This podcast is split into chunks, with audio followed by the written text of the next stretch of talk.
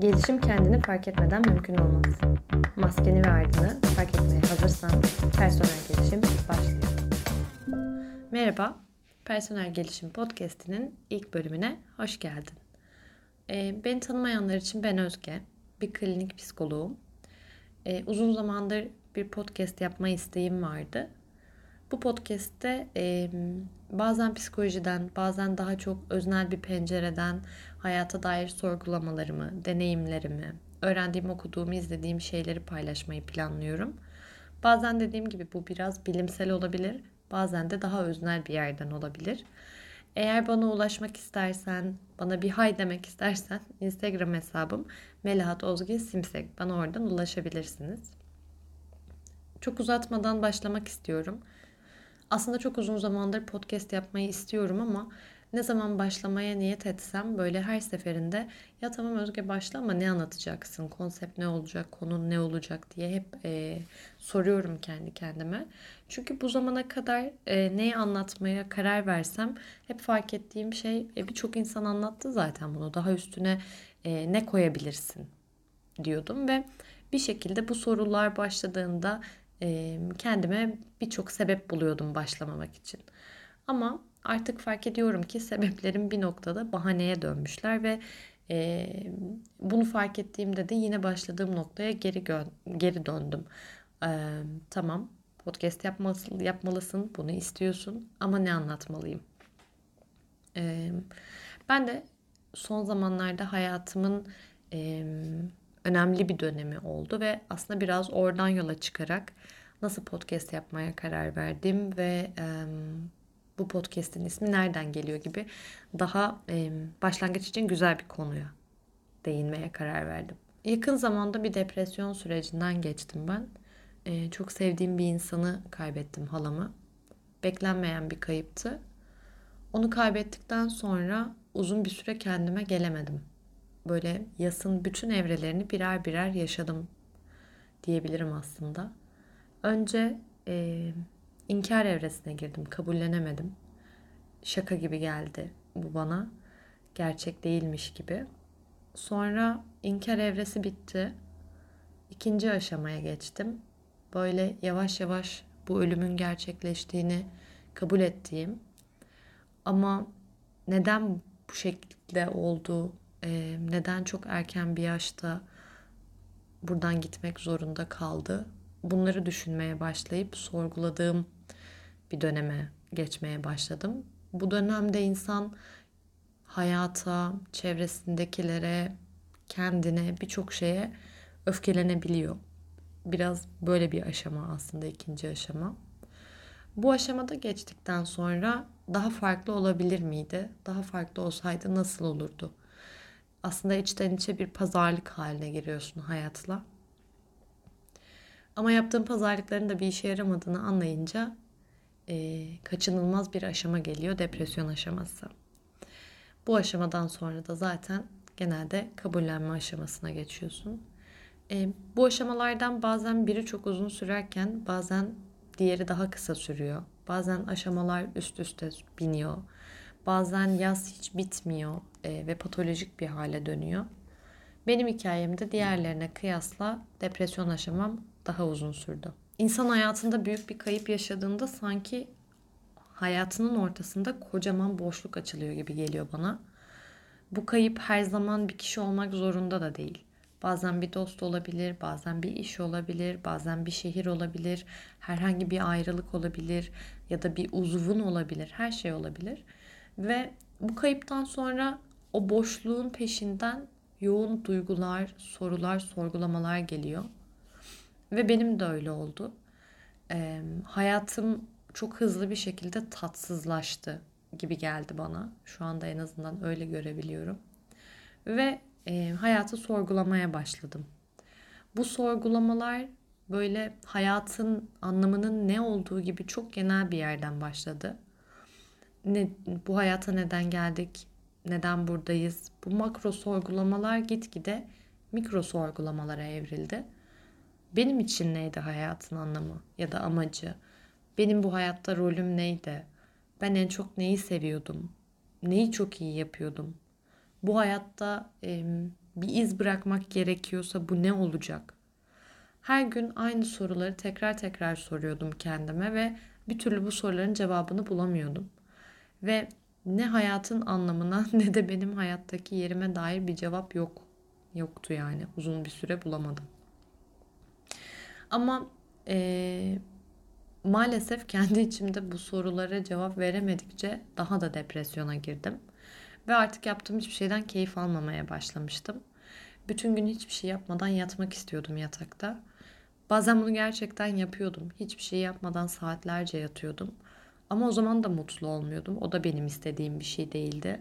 Bu sefer kalkıyordum ve bir şeyler yapmaya çalışıyordum. Mesela bilmiyorum kitap okuyorum, dizi izliyorum, film izliyorum. Bunlar da anlamsız ve tatsız geliyordu. Ne yaparsam yapayım hayatın amacı benim için o değilmiş gibiydi. Çünkü e, az önce de söyledim ya o sorgulamaların içinde e, bir neden arıyordum. Yani bir iz bırakacak bir şey ama e, benim yürümek istediğim yollarda hep benden önce yürüyenler oldu zaten. Bu aslında tabii ki bilmediğim bir şey de değildi. Yani hepimiz için böyle. Herkes nereye gitmek istiyorsa daha önce oraya gidenler hep oldu. Ama sanki yine de bir tutunacak dal arıyordum kendime ve bir alan bulsam, bir cevap bulsam diyecektim ki tamam Özge evet yani hayatının anlamı bu. Ve sonra sanki yeniden hayattan tat almaya başlayacaktım. Öyle geliyordu bana. Ama yoktu yani. Herkes her şeyi zaten gayet çok iyi bir şekilde yapıyordu. Özel bir alan bir türlü bulamıyordum. Yine bir gün e, koltukta battaniyemi sarılıp uzan, uzandığım bir an e, halamın Instagram'ına girmeye karar verdim ve Instagram hesabında dolanmaya başladım. Halamdan kısaca bahsetmem gerekirse çok aydın bir kadındı. Sürekli okurdu, kendini geliştirirdi, farklı şeyler denerdi. Yaşam enerjisi çok bol bir kadındı. Ve e, ondan çok şey öğrenirdim. Yine böyle Instagram'ında gezerken vefat etmeden önce e, okuduğu bir kitabı paylaşmıştı. Kitap dikkatimi çekti ve böyle daha çok bir kişisel gelişim kitabına benziyordu. Ve hemen çıktım evden, e, gittim kitabı aldım ve başladım okumaya. Açtım ilk sayfasını. Daha ilk sayfalarda Carl Gustav Jung'un teorisinden ve gölge kavramından bahsediyordu. Daha çok ilgimi çekti benim alanım olduğu için, psikoloji alanı olduğu için. Ama biraz ne anlatmak istediğimi daha iyi anlatabilmek için biraz burada teorik bir bilgi kısmına geleceğiz. Şimdi Jung analitik terapinin kurucusu ve insanı daha çok iki bileşenle tarif ediyor. İnsan bir personaya sahiptir, bir de gölgeye sahiptir diyor. Yani bununla bütünleşir. Personayı anlatmak gerekirse önce oradan başlayalım. Persona insanın kendisini dış dünyaya nasıl göstermek istediğiyle ilgili bir taraf aslında. E, bilinçli olarak oluşturduğumuz kişilik özelliklerimiz. Ama burada şöyle bir şey yok. Yani kasıtlı olarak insanlara kendimizi farklı tanıtma değil de başkalarıyla birlikteyken kabul ettiğimiz kişilik anlamına geliyor. Hem de Romalı e, oyuncuların kullandığı maske anlamına geliyor. E, Jung aslında buradan yola çıkarak şunu anlatmaya çalışmış. Bu yönümüzü maskeye benzetmiş ve her ortamda kullandığımız maskeler değişebilir, dönüşebilir. Farklı maskelere sahip olabiliriz. Buna benzer bir metafor yapmış. Ee, bunu mesela en iyi nasıl anlayabiliriz günlük hayatımıza baktığımızda? Örneğin arkadaşlarınızın yanındayken veya e, sevgilinizin yanındayken veya ailenizin yanındayken aynı insan mıyız? Tabii ki değiliz. Ya da iş yerimizde ve arkadaş ortamımızda aynı davranışlarımı sergiliyoruz. Tabii ki hayır. Aslında tam olarak bunu anlatmaya çalışıyor persona ile birlikte. Hepimizin birer maskesi var ve bu her ortamda değişebilir ve o an ortamda bulunduğumuz insanlarla birlikte bu özelliklerimizi kullanırız ya da kullanmayız. Gölge ise e, isminden de anlaşılacağı gibi daha çok arkada kalan kısım. Bilinç dışımızdaki daha bilinçsiz kısmımız bu.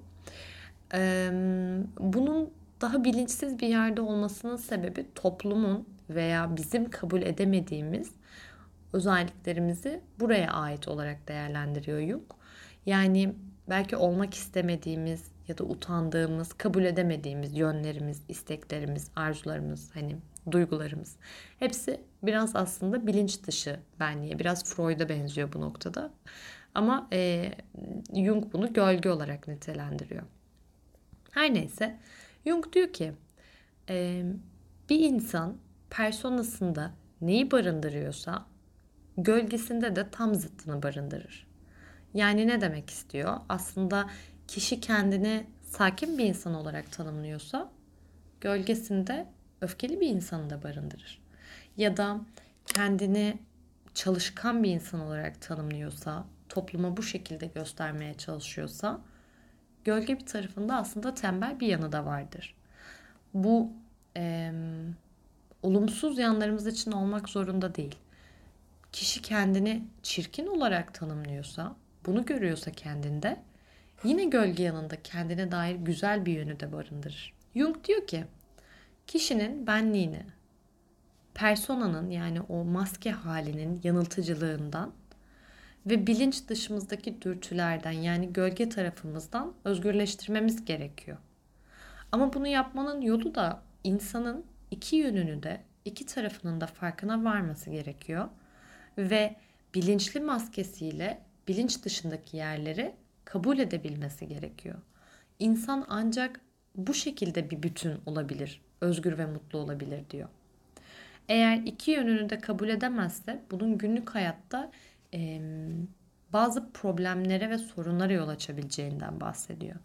Mesela ne olabilir bu engeller, bu problemler?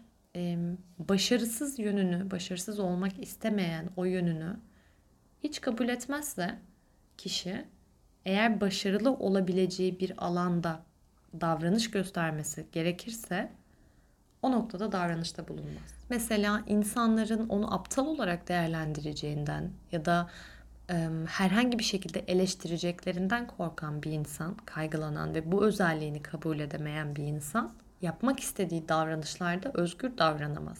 Bunu çevrenizde mutlaka görmüşsünüzdür. Ya bunu yapmak istiyorum ama e, insanlar ne diyecek? İnsanların diyebileceği şeyleri kendi gölgesinde kabul edemediği için özgür olamaz aslında. Veya e, bunu yine çevrenizde, belki kendinizde e, görebilirsiniz. Sırf gurursuz denmesin diye ya da bunun gibi kelimeler kullanılmasın, bu sıfatları kabul edemediği için konuşmak istediği, özlediği bir insana yazmaz bazen insan.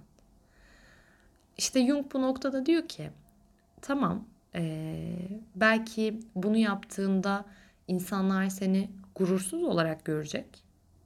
Ama tamam yani bu özelliğin de sana kattığı bir avantaj yok mudur? Yani mesela diyoruz ya işte gurursuz diyebilir ama sen özlediğin insana özlediğin zaman yazabilecek kadar özgürsündür. Mesela belki de gurursuzluk özgürlüğü getiriyordur. Neyse. Yani işin ironik tarafı bu e, bahsettiğim şeylerden çoğu e, olumsuz gibi gelse de kulağa insan bazen olumlu yanlarını da kabul edemiyor. Mesela kitapta dikkatimi çeken bir e, öykü vardı, bir kişinin öyküsü. E, 30'lu yaşlarında bir kadın depresyonda, çok mutsuz, bir türlü hayatını yoluna koyamıyor.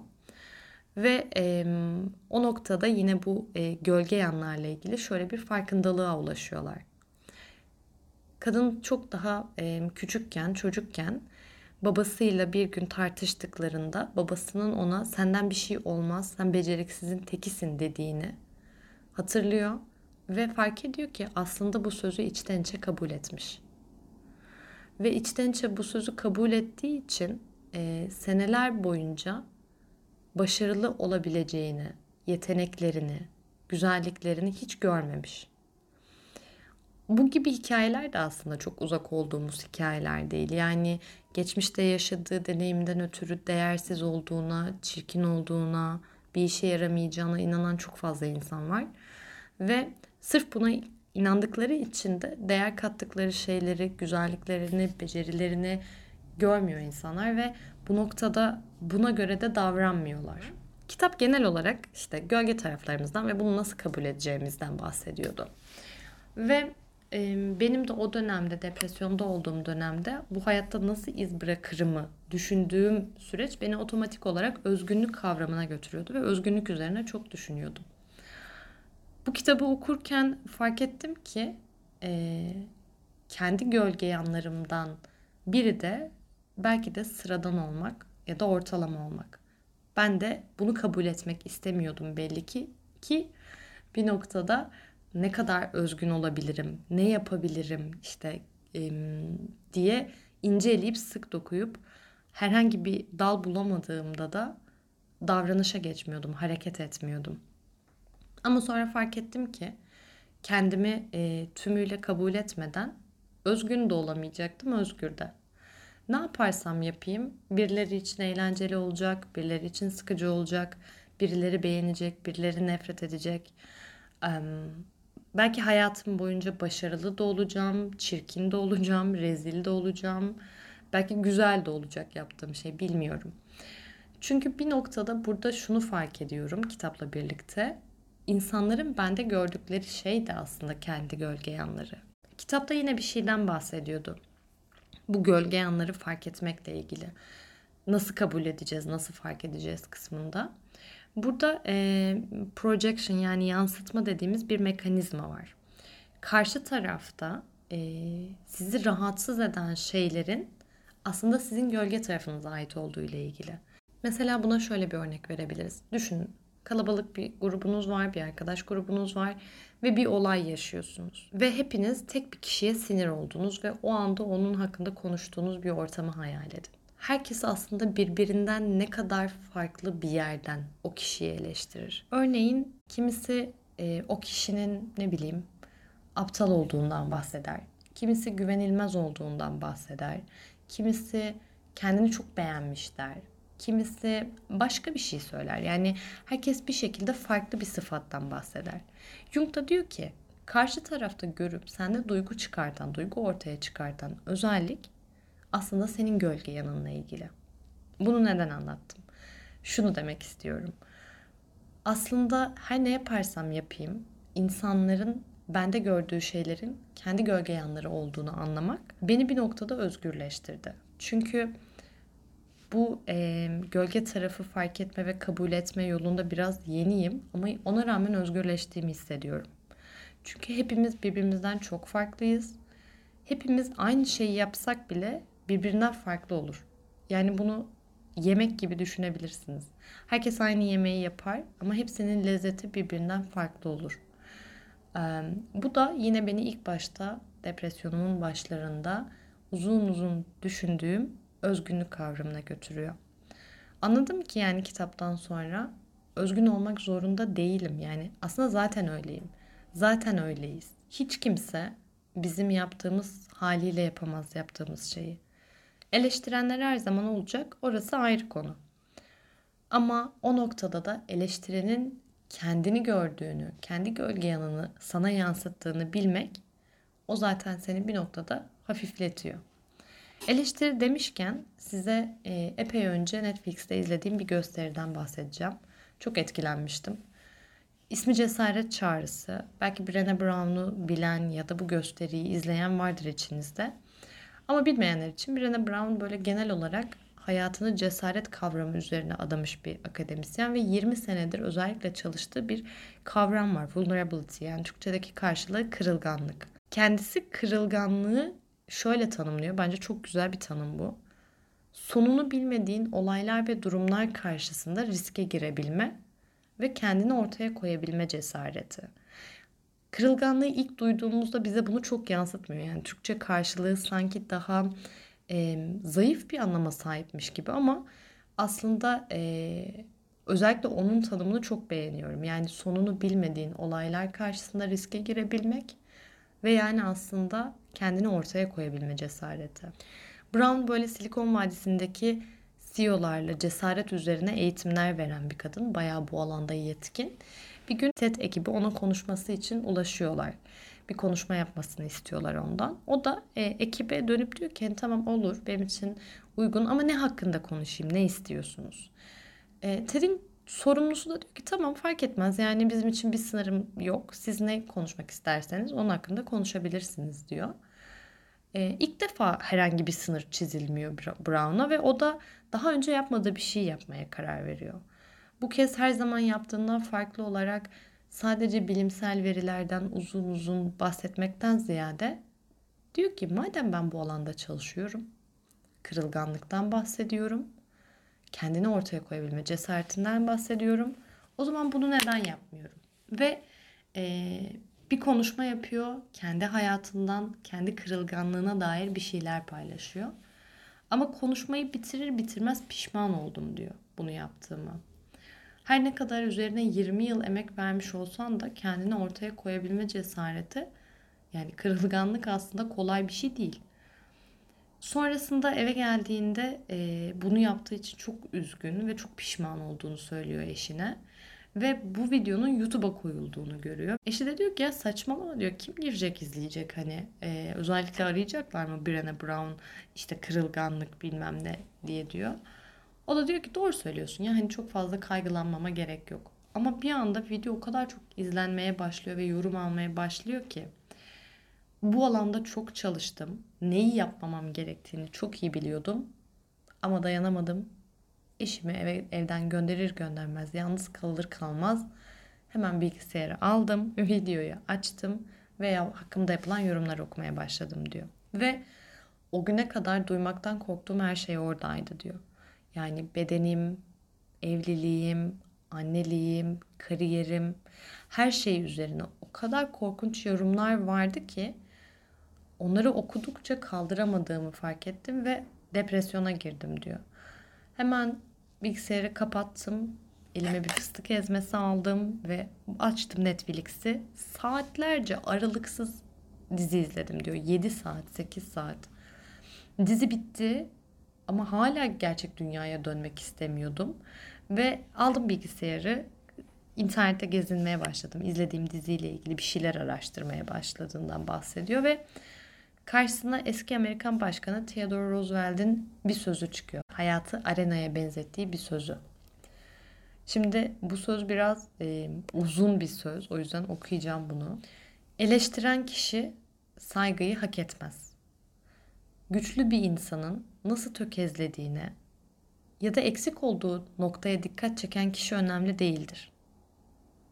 Gerçekten arenada olan, yüzü toza toprağa, tere ve kana bulaşmış, cesurca çarpışan, düşen ve her seferinde ayağa kalkan, büyük coşkuları, gerçek bağlılıkları bilen ve kendini değerli bir amaca adayan, en iyi durumda zaferi elde edeceğini ama en kötü durumda başarısız olursa da büyük bir cesaretle savaşarak başarısız olduğunu bilen, böylece ne zaferi ne de yenilgiyi bilmeyen ürkek ruhların arasına katılmayan kişi saygıyı hak edendir diyor. Çok uzun bir cümle ama aslında gerçekten çok güzel bir cümle.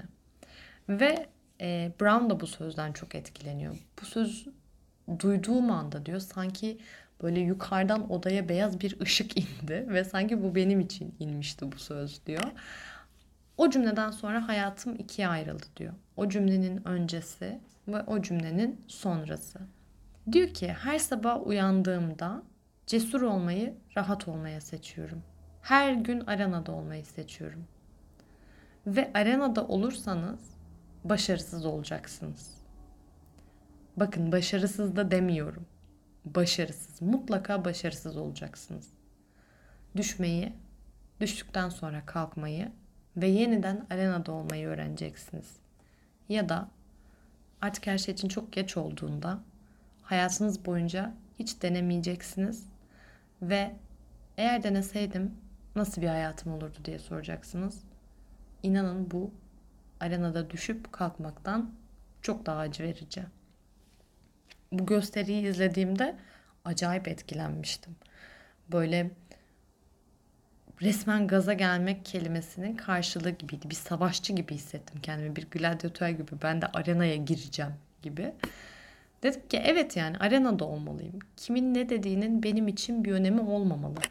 Çünkü Theodore Roosevelt'in dediği gibi yani daha önce hiç yüzü tere, kana, toza bulaşmamış, hiç düşmemiş, kalkmamış bir insanın ne düşündüğünün bir önemi olmamalı benim için. Bunlar hep depresyondan önceki dönemde e, olmuştu. O zamanlar izlemiştim ve o zaman o kitabı henüz okumamıştım. Ama şimdi bu gösteriyi biraz da şu taraftan yorumluyorum sanırım. Yani o zaman eleştiren insan saygıyı hak etmez gibi daha sert bir tutum hissetmiştim. İçimde de öyle hissetmiştim. Ama şu anda benim eleştiren insanla ilgili bir derdim yok sanırım. Çünkü onun bende gördüğü şeylerin onun kendisiyle ilgili olduğunu bilmek.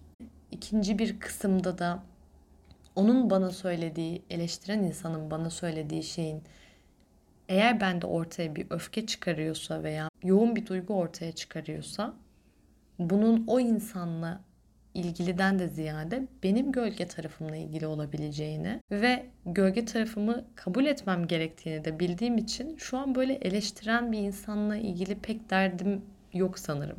Burada bana düşen bütün cesaretimle kırılgan olmayı seçmeli, riskleri almalı, adımları atmalı, belki düşmeli, kalkmalı, her gün arenada olmalıyım. Nil Kara İbrahimgil'in bir şarkısı var Gençliğime Sevgilerle diye. Orada böyle bir kısım vardı. Her gün oku, her şeyi oku. Ağaç olmak nasıldır, Van Gogh olmak nasıldır, İkinci Dünya Savaşı'na katılmış olmak nasıldır öğren.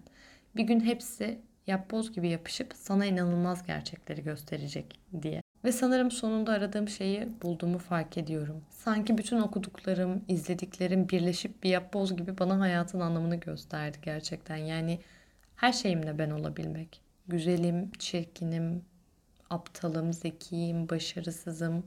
Her şeyimle benim. Ve hayatın amacının daha önce hiç yapılmamış farklı bir şeyi en iyi, en kusursuz şekilde yapmaktan geçmediğini anladım. Sanırım hayatın amacı yalnızca bir şeyler yapmak. Sana anlamlı gelen, istediğin bir şeyleri yapmak. Yaparken de kendini, gölge taraflarını, personanı keşfetmek, değiştirmek ve dönüştürmek. Aslında biraz da podcast'in ismi buradan geliyor. Personanı fark etmek, maskenin altındakini görmek, değişmek ve dönüşmek. Bölümü bitirmeden izninizle bir teşekkür etmek istiyorum. Halacım, teşekkür ederim. Buradayken beni koruyup kolladığın ve bana kattığın her şey için teşekkür ederim. Beni hep şaşırtıyordun ve hala daha şaşırtmaya devam ediyorsun. Çünkü sen burada değilken bile yoluma ışık oluyorsun. Bunun için de sonsuz kere teşekkür ederim. Bugün senin doğum günün değil ama iyi ki doğdun, iyi ki var oldun. Senden öğrendiklerimle her an yanımda olmaya devam edeceksin. Belki hayattayken yeterince söyleme fırsatım olmadı ama sana benzemeyi de seni de çok seviyorum. Beni dinlediğiniz için teşekkür ederim.